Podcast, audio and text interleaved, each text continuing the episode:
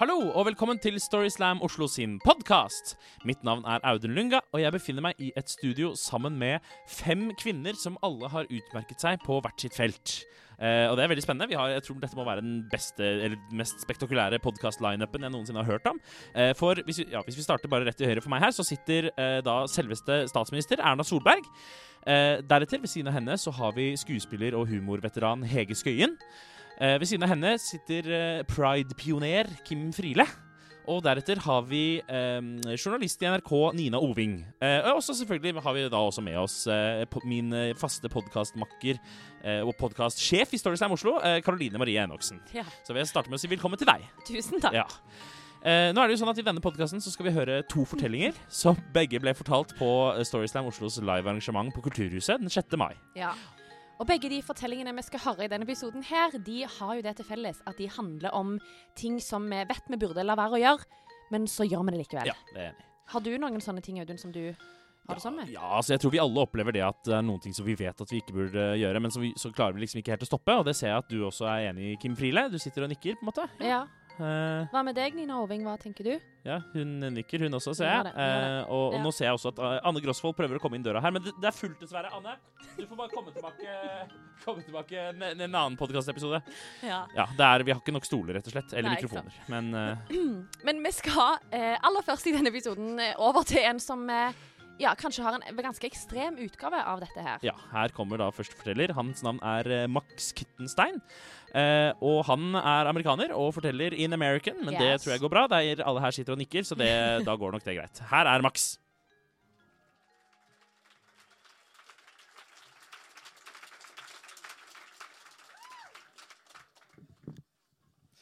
The thing is that it feels like you're going to die. That every little thing you do has this cosmic, otherworldly meaning. That you are that butterfly in Brazil, and if you flap your wings in just the wrong way, you will cause the typhoon in Japan. That if you step your foot on that and on that tile, just perpendicular to the grout, before the second hand on your watch hits zero, tomorrow's definitely going to be the day you get fired, but also you are going to die in a plane crash. That's actually how it feels to have obsessive compulsive disorder or OCD. Every little thing you do is your is your own personal prison, and you create these impossible rules that you have to live up to. And that's how I lived the first 30 years of my life. So two years ago, um, I decided that it was enough, and I had found out about this four-day magic cure um, up at Gaustad sykehus, which is a terrifying place. um, and I said yes because this is enough. And for those of you that have never been to Gaustad sykehus, um, just imagine for yourself you're googling um, creepy historic insane asylum, or like electroshock therapy vintage photos and you're basically going to get gouged up because it's a terrifying place. It just it just looks like the type of place that people were strapped down to tables by other people in white coats. So when I got there, I was feeling really nervous. But the background is basically this. OCD is a stress disorder, and what research on stress has shown is that even though it can feel life-threatening in the moment, your jaw clenches up, you get hot, you sweat, you just completely tense up. You feel like you're going to die. Um, but you won't. and the more the body is, is um, exposed to stress, the more the body gets used to it and understands this is going to be okay.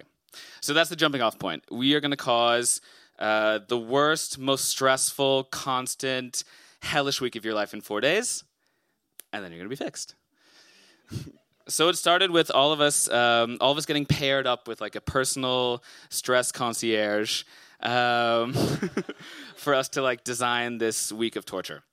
So I got paired up with Sarah, and it started with her and I sort of talking about like what is my OCD because everyone has a different form. And may- maybe you're thinking of the person that you know obsessively washes their hands or showers like 20 times a day. Um, but for me, it had a lot to do with symmetry. I was obsessed with symmetry. So if I touched them with my right hand, I had to touch with my left. If I winked with my right, I would like secretly wink with my left so nobody would see it. and I had an extreme feel of fear of bacteria. I was like constantly convinced that I had contracted swine flu or like inhaled anthrax or something. Um, and I had this feeling that everything had to be just right, which meant that every night when I brushed my teeth, it could take me like 20 minutes to put down the brush because I couldn't get it just right. And it's exhausting.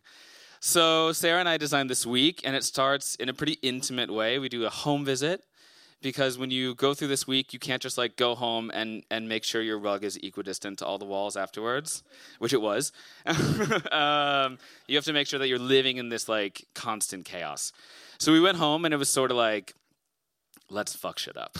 so we sort of looked around. And it's like, oh, your bookshelf. All the books are arranged both by color and by size. Great. But now we're going to knock over the bookshelf, spill all the books on the floor, and they have to be like that all week. Or you rented this apartment and it came with all these disgusting pillows and blankets. Okay, but now you have to sleep naked with them, rub them all over your body, and you can't shower all week. Or you're afraid that you're going to set the apartment on fire and all your neighbors are going to die and it's your fault. Uh, which basically meant that every time I left, I would walk back upstairs like six times, be like, "Is the oven off? Is the apartment locked?" So what we did is we covered the stove in newspaper and shoved the oven full of newspaper, and we took all the batteries out of the smoke detector, and I wasn't allowed to look. I just had to go.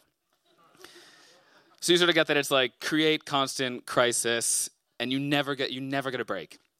So after we had done this, we decided that we were going to start strong. Sort of like when you go to the amusement park and you ride the tallest, fastest, scariest roller coaster first. All the other ones are are okay afterwards. So we talked about what is the most disgusting place that I know. That is the men's locker room at Tayambalda. so that's where we're going. so we're walking from my apartment up to Tayambalda, and I have this like intense need to start like I really I did this a lot, and I would like breathe in a certain direction. I love doing that. Um, but Sarah was gonna make sure I didn't do that. So we walk into Tayambalda, and you you're immediately hit with that that chlorine smell, and it's like the small mosaic tiles, and they're always wet and it's so gross. So I'm walking down the hallway, which feels like it's getting longer and longer and longer and longer until I reach the locker room. I take off my shoes and I start to walk around and really like rub my foot in all the drains and all the really gross like spongy mats so that like I'm absorbing everything. And I put my stuff in a locker, get naked, walk over to the shower, and also keep in mind this is Toyambada Tuesday at 10 a.m. So like we didn't rent it out. You know what I mean? Like there's there's like a gang of old men in the sauna watching all this.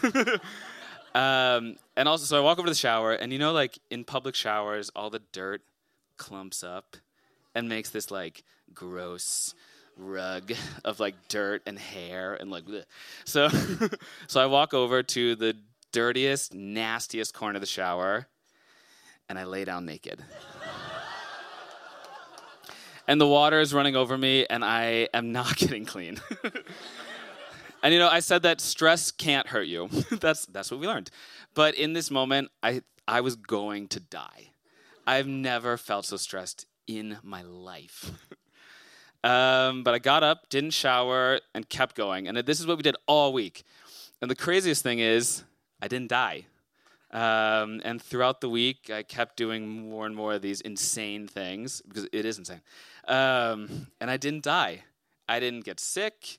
I don't have any like extra radioactive limbs or anything I've grown. Nothing has happened. So you sort of learn that, that that thought in your head that says, "Yeah, listen to your gut," or "You have to do this," and yeah, I learned none of that is true. And in this week, I, I managed to reverse 30 years of routine and 30 years of just forcing myself to do things that I knew were crazy um, and learn to listen to myself. Thank you.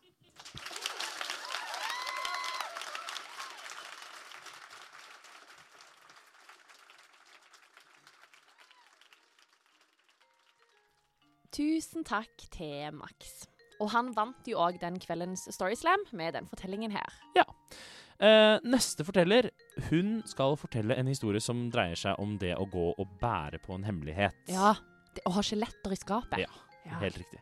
Eh, så her kommer neste forteller. Hun heter Vilde Bratland Hansen.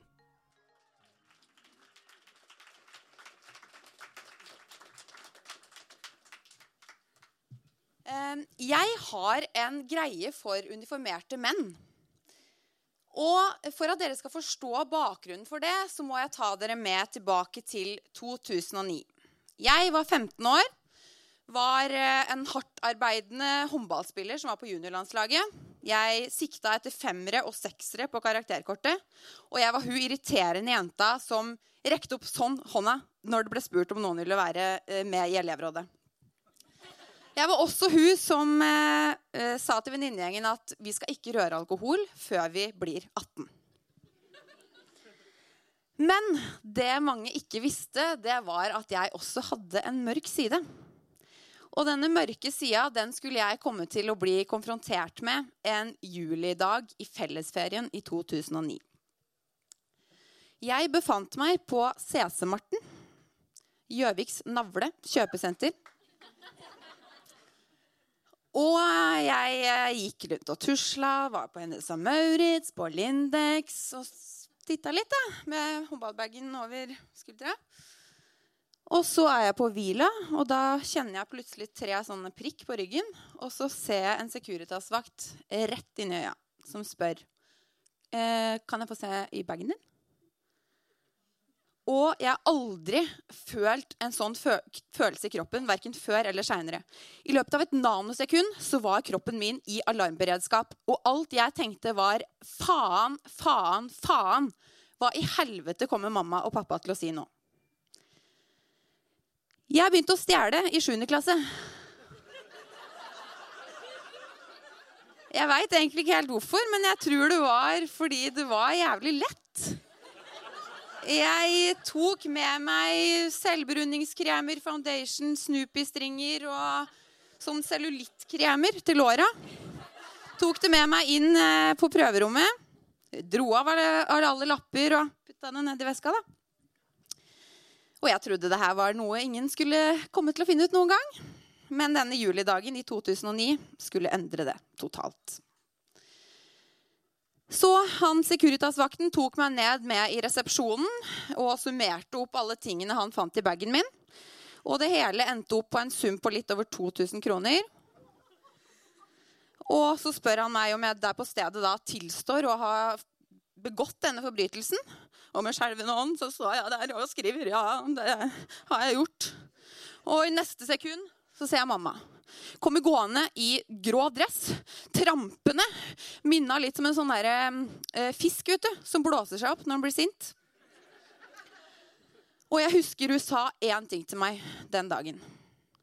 Vilde, jeg skammer meg over deg. Og den skammen den skulle komme til å bli min i eh, tida som fulgte. Jeg ble utestengt av CC-Marten et år. Jeg ble kalt inn på bekymringssamtale hos politiet. Og jeg fikk husarrest. Og når venninner spurte meg om jeg ville være med på CC, så fortalte jeg ikke om denne dagen i juli. Fordi jeg ville at folk skulle ha det bildet av meg som den hardtarbeidende håndballspilleren som eh, gjorde alt for å gå, få bra karakterer.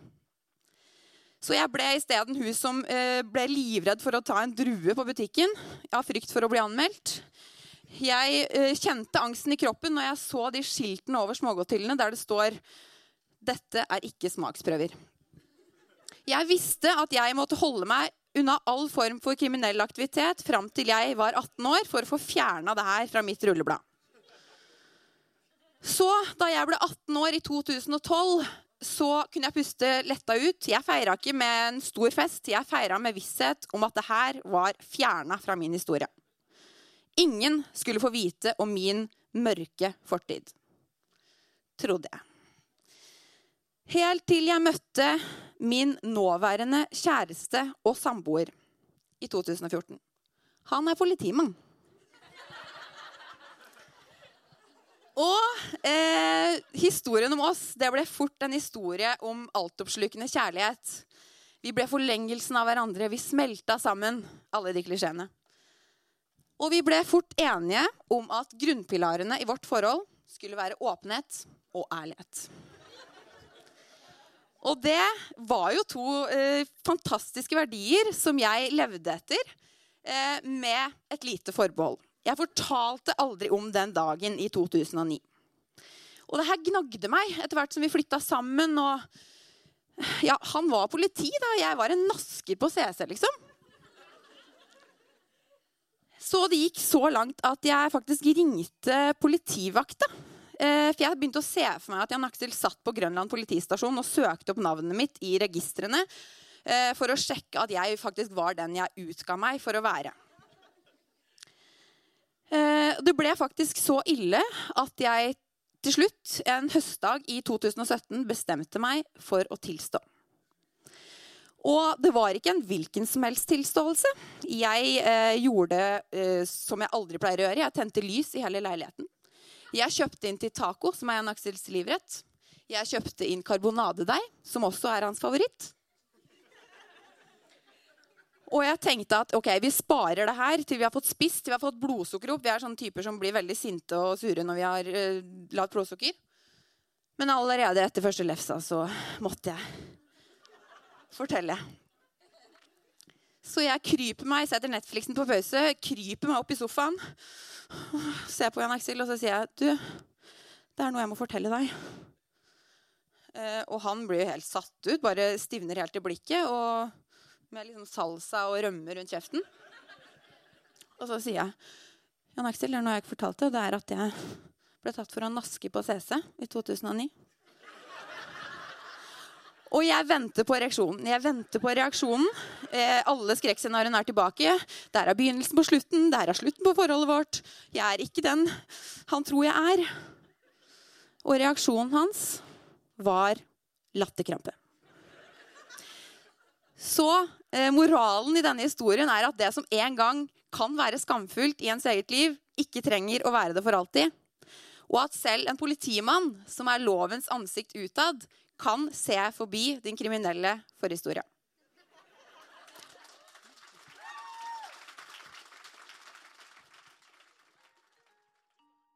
Tusen takk til Vilde. Ja, tusen takk. Så eh, Karoline, da er jeg veldig spent. Dette er noe jeg har lurt på en stund. Er, har du noen erfaringer fra ditt liv som dreier seg om et møte med, med snuten? Med purken. Med, med purken, ja. Med snuten. Eh, med The Five-O. The Boys Blue. Ja. Lovens lange arm. Um, ja. altså, nå burde jeg jo kanskje ikke røpe dette her foran selveste statsministeren, da, som vi har i studio, men um, Hun eh, setter fingra i øret, så det går bra. Ja, OK. Fordi eh, jeg er jo vokst opp på Forus i Stavanger, og der er det jo ikke uvanlig å ha blitt hanka inn i en politibil. Nei. Eller på en glattcelle, eller ha noen betinga dommer, eller Ja, la oss bare si at Interpol er interessert i å snakke med deg. eh, For å si det sånn. Ja, Vi, vi kan si det sånn, da. Ettersøkt i hele den vestlige verden. Eh, pretty much. Ja. Så yeah. Gangs. Nok om det.